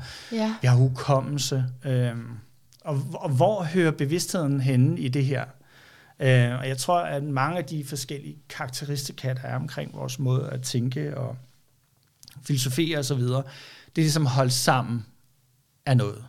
Altså, vi, vi, Ja. for, vi kan, for vi kan sondre mellem tingene. Det sker i bevidstheden. Ja, vi er nødt til at have, vi er Ja. nødt til at have en eller anden form for selvbevidsthed for at kunne Ja. navigere imellem det. Mm-hmm, mm-hmm. Ellers så vil, vi, så vil vi ikke være, det ikke være muligt for os at træde ud af det og kigge på det, eller lade som om, eller en anden. Så der er nogle egenskaber omkring bevidstheden, som gør, at det kan holde sammen på mange af de her ting. Øh, og, og det, vi snakker også om det sådan en bevidsthedsstrøm, ikke? Altså, som om det er ting, der kommer til os igennem noget, kvæg et eller andet. Øhm, og jeg skal ikke gøre mig til, jeg tror ikke, jeg, altså, jeg har ikke skrevet hverken nogen artikler eller noget som helst omkring, hvordan jeg opfatter, hvad bevidstheden er, andet end at, at det, som jeg ser det som at være, det er jo sådan, at der er noget, der er givet for mig. Altså, der må være, der er Right. et eller andet, der er et eller andet mig. Det er ikke, det er ikke mit navn. Okay. Det er ikke, øh, øh, det er ikke nødvendigvis, øh, det, kan, det kan være, det er bare sådan et, et, et noget, der definerer mig over tid. Øh, lad, lad sig komme til udtryk, som ændrer sig. Faktisk skal det både være noget, der, der jeg bliver til i, i forhold til andre. Øhm, Ja. Men der er stadigvæk noget, som er mit. Altså, Mm. mm. Det kan være mine erfaringer, eller det kan være de ting, jeg har oplevet, eller sådan noget. Og det indgår i min måde at sondre imellem mm. de forskellige måder, min hjerne og min hukommelse, mine forestillingsevner fungerer. Vi har altså, hvad skal jeg sige, vi, jeg tror, vores bevidsthed er mere kreativ, end vi, vi nok i virkeligheden anlægger den for at være. Om du siger Altså- kreativ, mener du skabende? Ja, meget mere. Meget mere, og og det er måske nok det, der er mest karakteristisk ved den, det er, at, at den er med til at holde sammen på, på tanker og overbevisninger og forestillinger og hukommelse og alt muligt andet, og prøver i virkeligheden på at, at strukturere, give os muligheden for at strukturere. Hvordan vi sætter tingene sammen. Hvordan vi, øh, vi øh, sætter tanker og idéer sammen til noget, der giver mening for os. Det, det er noget, der er opereret af dig, og det må så være den given bevidstheds måde at agere på. Right. Træner du din bevidsthed? Ved at filosofere, ja. Eller ah, højeste grad. Ja, klart. Helt sikkert. Klart. Det gør jeg hele tiden. Jeg vil faktisk sige, at en af de måder at træne sin bevidsthed på, tror jeg, i en meget større grad, det er at filosofere meget mere. Så man kan jo bare gå i gang, også derhjemme. Men altså, du bliver ikke bekymret for det, det her, jeg også kom til at sige med overtænkning. Altså... Jamen, jeg tror, jeg tror, det er derfor, man, altså, jeg tror også, det er derfor, man godt kan opleve, at man har brug for hjælp til det. Ja. Altså, det, det, det er ikke, altså, det, er en, det, det er på en eller anden måde, der er noget, der ligger helt naturligt for os, men det er også noget, som vi måske er vant til kun at gøre for os selv. Og der, hvor hjælpen ligger, det er, når vi tør åbne op aha, for det her, aha, og vi tør at prøve at bevæge os derud, hvor vi ikke har været før med, med vores ja. måde at tænke på. Ja, så så man kan sidde og sige, at der er et eller andet, der er et eller andet potentiale der, som, som vi ikke har fået tabet nok, op, nok ind i. Ja, når jeg spørger, så er det også sådan ud fra en øh, meditationstankegang om, at du skal virkelig ikke tro på alle dine tanker. Ja. Altså, så det her, det er noget andet, det er en mere bevidst analyse. Jo, man kan så sige, ja, og man kan også så sige, altså, gennem idehistorien af filosofien, så har vi jo alle sammen været klar over, at altså, den største bedrager i det her, det kan jo være selv, ikke? Mm-hmm. Hmm. Ja, så, hvordan? Jamen, det kan jo være, at det hele er bare noget, du render rundt og forestiller dig. Ikke? Så hvordan mm. adskiller mm. vi tingene? Mm. Altså, er det sådan, at, at fordi du sidder og siger, at værdien er sådan og sådan her for mig, er det så sandt? Æ, overhovedet ikke. Nej, er det det? At, ja, det er et kæmpe problem, personligt problem her, ja. det der. Ja. Men, men, men, men og det, man kan så sige, det, det tror jeg, vi alle sammen på en eller anden måde ligger og bokser med. Ja, at, der, at, er, at der kan, kan være meget, meget... Fejl. Vi ja. kan tage fuldstændig fejl, og samtidig er vi nødt til at stå for noget. Lige præcis. Og det, og det, det, skal, det skal du både i forhold til andre mennesker, ja. men det skal i høj grad også i forhold til dig selv. Mm. Um, så man kan så sige, at vi, vi på en eller anden måde uh, altid kastet ud i at skulle holde os i en eller anden form for løbende filosoferende dialog med ham selv. Hvad, hvad, hvad er sandt? Hvad er falsk? Hvad, hvad, hvad ja. rigtigt? Hvad er forkert? Ja. Øh, ja. Hvad er smukt? Hvad, hvad er grimt? Altså, mm. alle de her ting. Er der som, noget rigtigt og forkert? Er der ja, noget smukt er der, og grimt, er der, eller er det bare noget, jeg har lært? Ja, hvor kommer det fra? Ja. Hvor ved, hvem har fortalt mig, at det her er smukt? Mm. Hvis jeg nu forholder mig til det her, wow, den her sten, krystal, der ligger her, ikke? Altså, ja. er, den, er den smuk, og hvilken værdi er den har for mig? Altså, det krystallerne, mm. hvordan den ser ud, eller hvad, hvad er det for noget? Ja. Altså, hele den stillingstagen til, til, til ting, det har egentlig, altså er i sin kerne, eller sin natur egentlig, at filosofere over noget helt fundamentalt. Men springet derfra, så ind i dig til at sidde og sige, det er faktisk sådan her, jeg har det med den her sten. Aha, aha. Det er sådan, jeg har, jeg har med ja, det. Nu ved jeg, hvordan jeg har det. Mm. Det er okay. Mm. Altså, øhm, jeg ved også godt, at den er alt muligt andet for andre. Mm. Men det er det her, jeg ligger i den. For mig. Ikke? Ja, ja, ja. Og, og, og kunne stå på mål for det der. Mm. Og det kan også godt være, at, at du må revidere dine ting. Det kan godt være, at du bliver klogere omkring ja, forhåbentlig. Sten, ikke? Men det er jo også det, når der så sker sådan nogle livsskift her, og ting, man ikke havde regnet med, og er mm. ude af ens kontrol, med mindre, at det er noget, jeg på en eller anden måde har skabt ubevidst. Ikke? Den holder jeg åben. Mm. Så er der jo en masse revision og ting, som jeg lige for et par dage siden opfattede på en måde, her går det godt, mm. jeg er virkelig glad for mit arbejde, mm. jeg håber, jeg skal have det i mange år, det er jeg nødt til at se på en anden måde nu. Ja. Og så kommer der nogle nye tanker til mig, når ja, mm, måske jeg alligevel ikke helt øh, var en del af det, eller sådan, altså, men jeg så det ikke lige før. Nej, og jeg tror, altså, jeg tror, man er nødt til at skulle forholde sig til, at det er en større del, altså det har en større indflydelse på dit liv, end du måske umiddelbart tillægger den, men jeg synes, at du er ret filosoferende i dit program, ikke? Ja. Du er ret filosoferende med det, du gerne vil med det her. Og jeg tror også, at der ligger øh, noget rigtig værdifuldt i de her podcaster, i de her samtaler for dig. Jeg tror også, der ligger noget, en radikal spørgen ind til noget, som du har faktisk brug for at undre dig over. Det har du så ret i. Ja, ja. og jeg, så tror jeg, og det tror jeg er jeg synes, det var også derfor, da du, da du skrev til mig, at selvfølgelig skal vi da det. Selvfølgelig ja. skal vi snakke sammen, fordi, ja. fordi det er så sindssygt vigtigt, at det her det bliver åbnet op. Altså, at det ikke er noget, der bliver lagt skjult på. Og der er en form for der er en form for berøringsangst omkring det her med filosofi. Det er nødt til at sige. Ja, det er ikke alle, ja. der er lige så modige som dig, Nej. der tør åbne op og, og, og lægge sine ting ud og prøve at fortælle om de ting, man synes, der er svære. Og, og faktisk synliggøre over for andre mennesker, hvad det er, man står for som menneske, og tør, tør vise det frem. Og det, det, det er jo nogle af de ting, man, man gør, når det er, man åbner op for, for, for den måde, man, man opfatter verden på, og den måde, man opfatter værdier, og hvad der er rigtigt og forkert for en. Når de bliver åbnet op, så sætter du dig selv til skue sådan helt nøgen. Ikke? Har du nogle gode spørgsmål, vi kunne give til lytterne? Altså, Mhm. er, for eksempel spørgsmålet, hvad betragter du som rigtigt og forkert? Er det noget? Kan man komme nogen vej med det? Eller hvad, hvad for nogle spørgsmål kan man åbne op for den her proces i sig selv? Jeg tror, at det der, det der med at finde ud af, hvad der er væsentligt for en, Ja. altså det, det tror jeg er ret centralt at holde for øje. Hvad er det virkelig, der er rigtig væsentligt for dig? Fordi nu tog vi fat i det her med jobbet. Det kunne have været hvad som helst andet. Men det var det, der lå der på scenen lige her nu. Det, mm. det tror jeg, altså på alle tidspunkter i livet, så går vi igennem et eller andet. Mm. Øhm, og, øh, og det fylder altså noget. Det, jeg, jeg plejer gerne at beskrive, at det du filosoferer med, det har på en eller anden måde noget tyngde i dit liv. Mm. Det fylder. Ja. Altså det vejer noget. Det er noget. Mm. Det er ikke sådan... Det er, en, det er en lidt underlig måde at beskrive det på, men, men, fordi, men det er fordi, vi afstemmer også den måde, vi filosoferer på med vores følelser. Ja. Ikke? Og det glemmer man tit.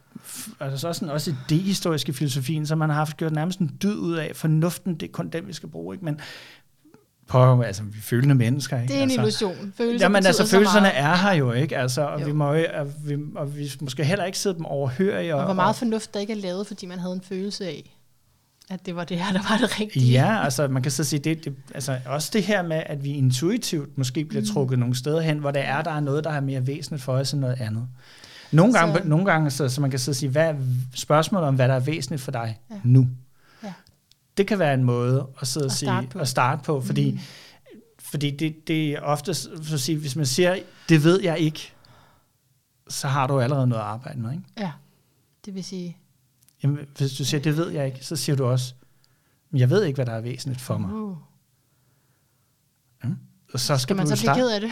Nej, jamen det kan godt være, at der er en følelsesmæssig reaktion på det. Det ja. Ja. er der mange gange. Jo. Der ligger meget akkumuleret frustration. Det kan jeg jo Ja. mærke, når jeg sam- samtaler med folk. Det er jo, at når de så når de sidder og siger, at det ved jeg ikke, Mm.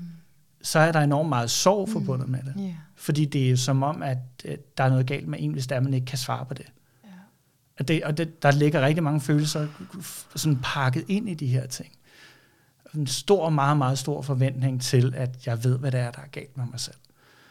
Um, og det, det, det, må, det bliver man nødt til at være mere undersøgende omkring, end det man er. Og det kan det her filosofi faktisk hjælpe dig med, fordi at det ikke kun er et fornuftsmæssigt verden hænger sådan og sådan sammen, her har vi etik og moral, og du gør rigtig forkert, og bum, bum, bum, bum, bum.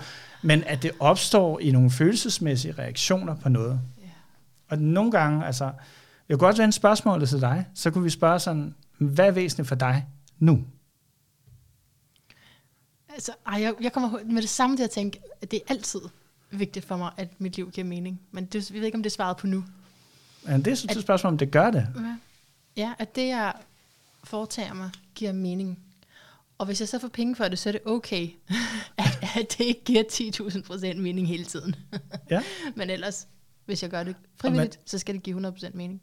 Og hvad er det, når noget giver mening for dig? Mm. Du siger, når mit liv giver mening. Ja. Hvad er det, som mening er for dig? Er Det er jo rigtig, Jeg rigtig, bruger meget det ord.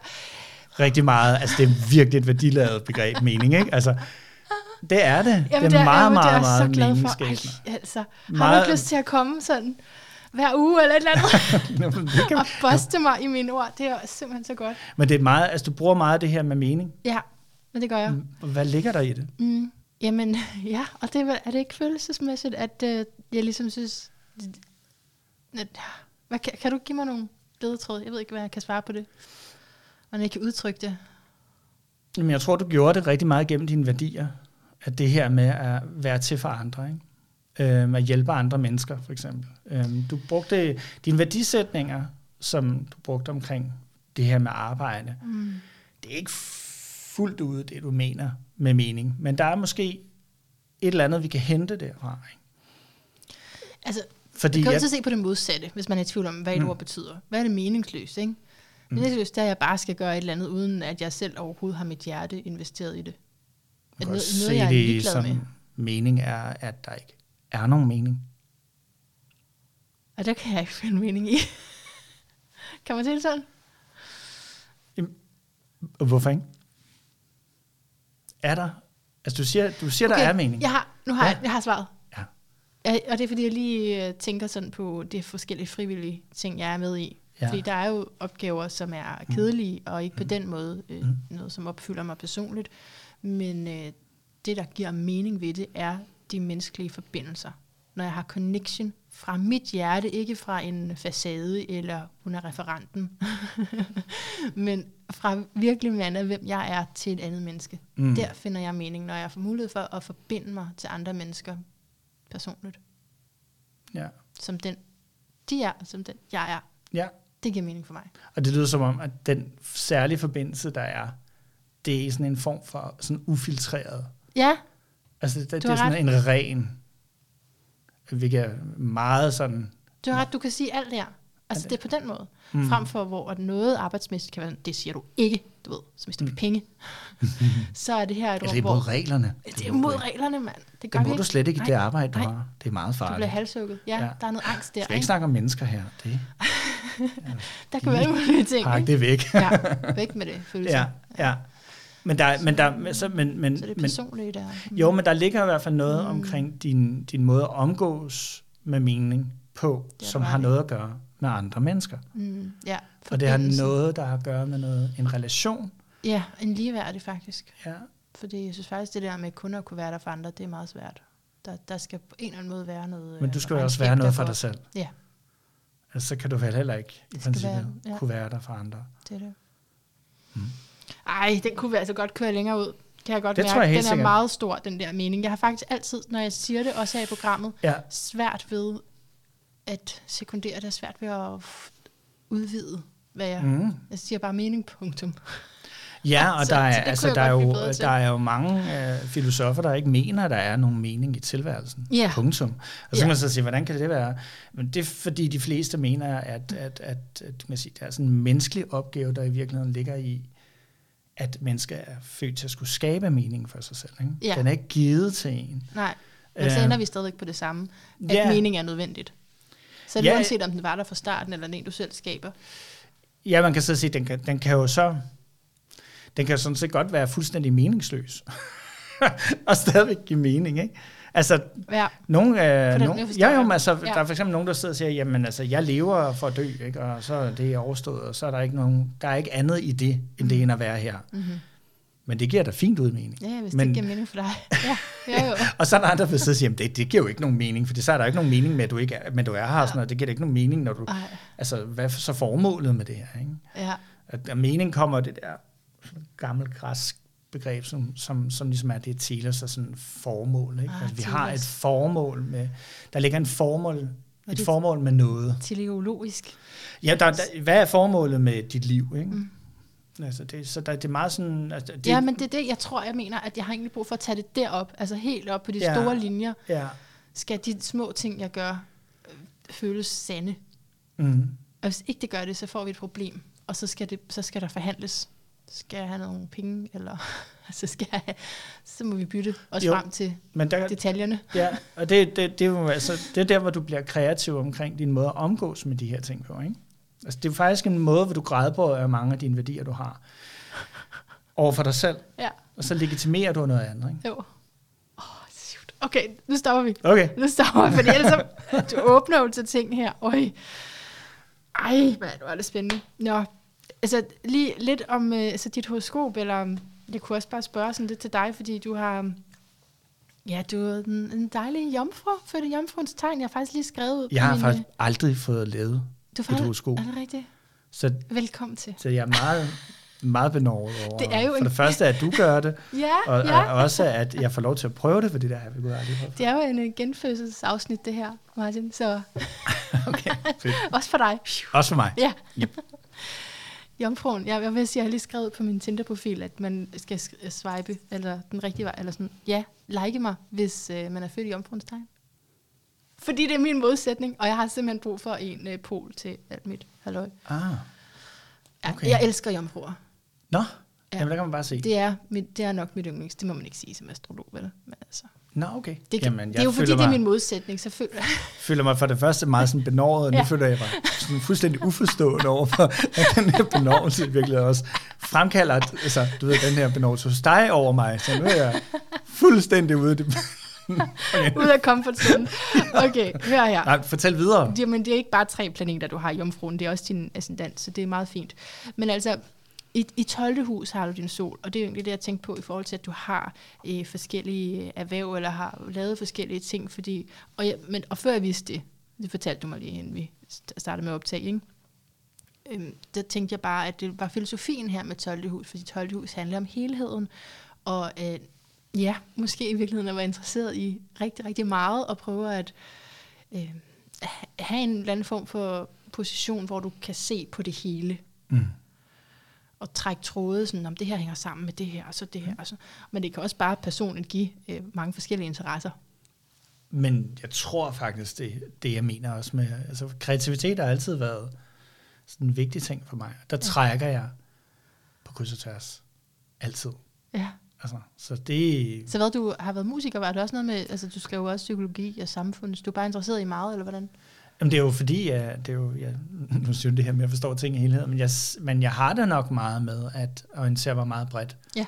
Og sætte ting sammen Ja. på nye måder. Ja, fedt. Øhm, og det, det er jo noget, det er nok derfor, jeg er blevet ved med at holde fast i filosofien, fordi der kan jeg få lov til det. Jeg kan få lov til at folde Det er stort nok til dig. Nå, men det, ja, og man kan så sige, det kan ikke stå alene, vel? Fordi altså, jeg, jeg har en masse andre ting, som jeg også gerne vil have lov til at, at udtrykke, men, men i, forhold til, øh, i forhold til netop det der med at kunne orientere sig meget bredt, altså, øhm, Ja. ja. det ligger rigtig meget i filosofien, fordi det, det er et bredt felt. Altså, ikke? Så, så både som, som, nu kalder vi det jo ikke en videnskab, men, men som, ja, øh, som, jeg ved ikke engang, hvad jeg skal kalde det, fag, ja, Ja, som, fag. så, som øhm, disciplin. Ja, som disciplin. Så er det netop det, der karakteriserer det, at det er meget bredt. Ja. Og det, tingene influerer på hinanden. ja, Og det, det skal man jo vide. Og når man snakker om etik, så snakker du op, også om epistemologi. Du snakker også om, øh, hvordan du bruger viden. Hvad er viden? Og hvordan kan du sige noget af viden? Og hvad er det ene og det andet? Hvad er op og ned på de her ting? Så tingene har det med at krydse hinanden, selvom vi rigtig gerne vil have tingene sådan, du ved, godt og sirligt opdelt, så vi kan forske de forskellige ting. Ja. Så bliver det hele blandet rigtig meget sammen. Men det har en bredde og en dybde, ja. Som du øh, godt kan lide. som jeg er utrolig glad for. Ja. Fordi det giver mig mulighed for at boldre mig. Og så kan, men så som Mm. jomfru, hvad er det så, du gør i det landskab? Fordi det er ligesom, husene, det er... Jeg har tre børn. Du, du har tre børn. Nå, i forhold til jomfru, ja, det er jo den første misforståelse, ikke? Jo, jo. Ja, ja. Men sådan er det også med filosofer og alle mulige andre. Ej. Det bliver altid misforstået. Ja, Ja, ja så, nej. så Men hvad sagde du? Nej, så- fortæl videre om det der med, med jomfru. Jamen, altså, jamen, fordi tøjlehus, altså husene, det er sådan øh, området for menneskelig adfærd, ikke? Så, men hvad er det så, du gør der? Hvad er det, der motiverer dig der? Altså, der tænker jeg, at det handler om at strukturere faktisk alt det her. Øhm, Øve sig på det er også en ting med jomfruen. Øver sig, det er også det, jeg beundrer ved jomfruen. De kan simpelthen øve sig så meget, at det, det bliver bare verdens bedste. Altså, Okay. Man skulle kunne se dig i ansigtet der. Nå. Ja. Øhm, men øhm, ja, så hvad der gør ligger du der også noget med, at er, det? Mm. der ligger jo, altså filosofi er også at øve sig. Det er hele tiden. Det er jo en ja. helt konstant øh, stillingstagen. Det er jo en konstant øvelse i at forholde sig til livet. Ja, og måske også at være skeptisk, fordi det er faktisk det, jomfruen jo også er god til, at være kritisk, tænke kritisk. Mm. Så det får du også lov til hele tiden, hver gang Ja. der er en, der siger noget. Mm, kan vi lige se det fra en anden vinkel? Kunne jeg Ja. forestille mig. Jo, jo. Den, ja. Men altså, så vi... Altså, noget, som jeg også lige kiggede efter i dit horoskop, det er jo fordi, vi, jeg har faktisk kun lige fået dine data, fordi vi har kun lige snakket sammen i går, og så optager vi i dag. Og det kiggede jeg efter, hvor den der hurtighed henne, ikke? ja. Altså, at du egentlig er klar, når noget kalder på dig. Og du har øh, Mars i konjunktion med Pluto. Øh, og, ja, Og det siger mig ikke noget. Jeg, jeg siger det bare mig. for, at jeg ikke skal sidde og lave... Altså, nu, Og det- det, der er jeg sikkert kildehenviser på Okay. den her måde, ikke? Okay, fint. fint. så man selv kan slå det op og Nej. læse mere om det. Men altså, Pluto intensiverer, og Mars er hurtig. Så det, at du igennem dit liv finder dig selv også nogle steder, hvor at det er lidt farligt, øh, kunne jeg forestille mig, hvor du tager nogle chancer, og hvor mm. det ikke er sikkert og stabilt, ligesom din ellers jo altså jordenergi og jomfru gerne vil have, og gå forsigtigt til værks og bruge lang tid på det, indtil det bliver godt nok, så har du også en side af dig selv, som bare øh, kaster dig ud i det, og har brug for at stå der, hvor det er lidt farligt faktisk, hvor du mm. øh, risikerer at miste noget. Det synes du det? det kan være, at jeg tager fejl. Jeg tager fuldstændig fejl. Nej, nej, altså, øhm, øhm, tager jeg chancer? Jo, det tror jeg da nok, jeg gør. Jeg, det kommer også an på, hvem sammenligner man mig med. Ikke? Der er nok nogen, der tager større chancer, end jeg gør. Øhm, men tager jeg chancer? Mm, det gør jeg vel. Øhm, ja, men det tror jeg, vi gør alle sammen på en eller anden måde. Men, men ja, for mit vedkommende, jo, jeg tager da chancer. Øhm, har taget chancer. Har du fundet dig selv i nogle livssituationer, hvor, okay, det var, altså... Ja, ja. Jeg har lavet mange skøre ting. Ja, det er det, jeg mener. Du lige sætte nogle ting over styr, hvor ja. den anden del af dig måske vil have, have mere tendens til... Øh, altså, vi har jo forskellige sider, mm, ikke? Mm. Så det her er mere ubevidst, fordi det handler om Pluto, som kommer fra dybet.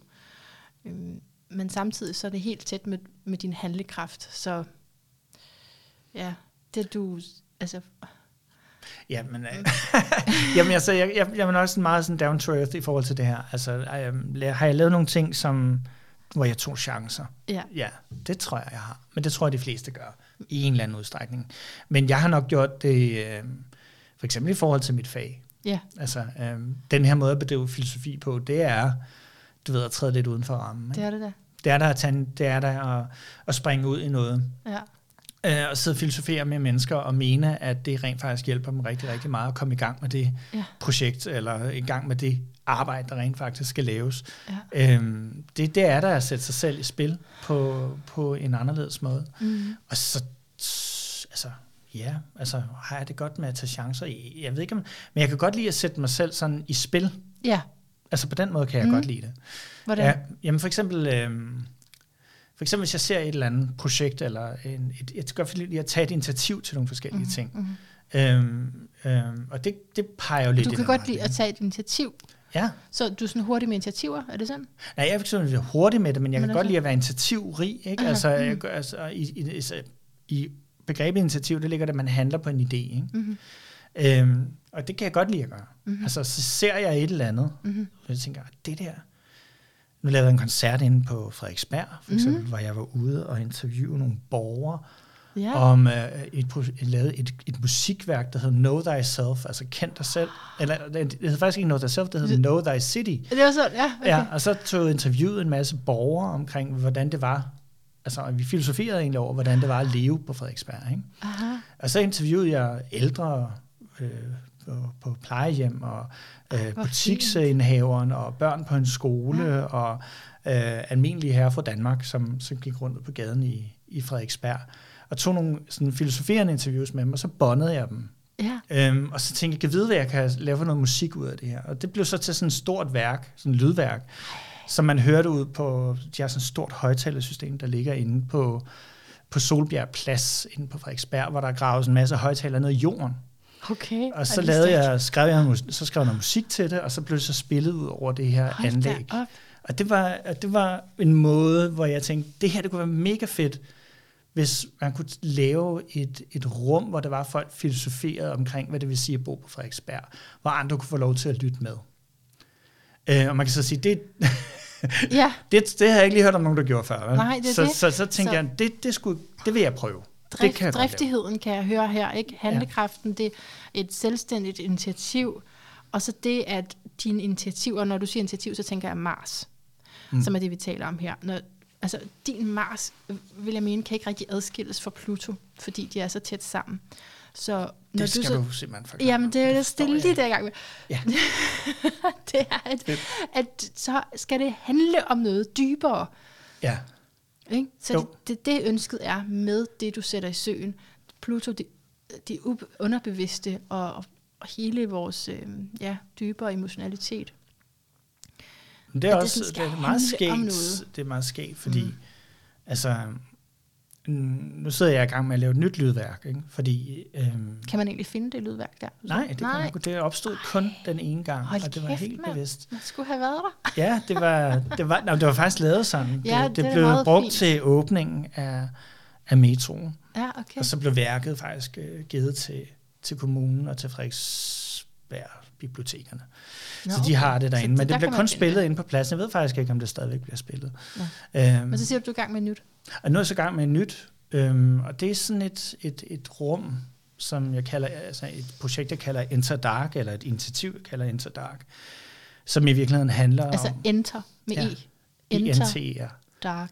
Ja, Gå ind i mørket. Ja, men det er ah, også, der har vi Pluto. og det er også at invitere mørket ind. Ikke? Right. Så det er en form for åbenhed, og det, det er virkelig noget ting som sådan en lydinstallation, hvor man sætter sig ind, og så sidder man i et rum sammen med nogle andre mennesker i mørke. Ej, det er genialt. Og så, så har jeg så, så er jeg så gang med at lave den her øh, filosoferende dialog, øh, som kører som en, en indre, den skal du huske, vi snakker omkring, at jeg sagde, at filosof, altså folk filosoferer rigtig meget inde i sig selv. Det kan jeg godt huske. Ja, og det er faktisk i virkeligheden en måde at lege med det, og få det Ej, åbnet lidt godt. op. For at sige, hvad, hvad er det i virkeligheden, der er på spil, når vi sådan filosoferer inde i os selv? Og Er det noget, man kan komme til det, der du sidder og Ja, det, nu, altså nu skriver jeg på det, ikke? Og, Okay. og er i gang med at skrive det nu og lave musikken Okay. til det. Så man må lige følge dig. Så man må lige følge mig. Det har ja. været undervejs et stykke tid, men, Ja. men jeg vil rigtig gerne have det op og køre. Jeg har kan se, at der er nogle forskellige biblioteker, som gerne vil have det op at stå. Jamen. Men, øhm, så, så det skal nok måske komme derud. Jeg skal nok skrive ud om det, når det bliver færdigt. Øhm, og det var nok lige et halvt år. Jeg håber her, når vi nu når hen til, at mørket kommer frem på Ja, himlen ja, igen, ja, efter ja, vi har været igennem solstrålerne her Ja, nu. Så, ja. øh, så skal man kunne gå ind i de her rum og være med i den her sådan, øh, den der filosoferende den filosoferende samtale med sig Mhm. selv, eller den her intradialog, som vi Mhm. har med os selv hele tiden. Øhm, så det, det, det er jo også en måde, man kan så sige, jeg sætter, altså jeg vil gerne have noget dybt ind i Absolut. de ting, jeg laver. Det er ikke? fuldstændig. Det synes, jeg, det synes jeg, det er. Så det kan man godt sige. ja. Mm. ja, men det er jo det, det kan udspille sig på så mange forskellige måder. Og det er jo også det, når du så er jomfru og har så meget jord, så giver det mening, at det ikke er, fordi der er en anden side af det, der bare er totalt risikovilde, men mere at, mm, ja, at du arbejder med den her placering mere kreativt til at gå ind i de, de dybder der. Som, det- hvor man kommer på udebane jo, ikke? Og man kommer ind i noget, Jamen. som er utrygt. Ja, min kæreste siger oftest altså, hvis du ikke har lavet det, hvis du har lavet det før, så er det ikke interessant for dig. Ej, okay, på den måde, ja. ja. Altså, så der ligger lidt den der, at, Ja. at, at, at det er jo det, der er lidt med at tage chancen, ikke? Jo. Altså, prøve Jo. nogle ting af. Ja. Øhm, og når jeg, har, når jeg har lavet ting, så, så er det ikke nødvendigvis, at, at det er noget, jeg vender tilbage til igen. Nej, altså, så videre. det, det kan være meget temporært, det jeg laver, men det, Ja. ja. men det involverer jo nogle chancer. ja, Og det involverer, at jeg sætter mig selv på spil på en eller anden måde. absolut. Og den slags Øhm. arbejde også i det hele taget. Man skulle opsøge nogen, og altså, det er jo da også utrygt. Ja, ja, ja. Men, men det er jo det der, um, altså, på en eller anden måde, så, så er det noget, jeg drager af, men på en anden måde, så er det også noget, som, som jeg ved, det, det er sådan pigerne på en eller anden måde. Ja. Altså, fordi det er, der er, som du siger, der er noget farligt i det. Ikke? Jo. Altså, der, er, der er noget med at falde igennem. Ja.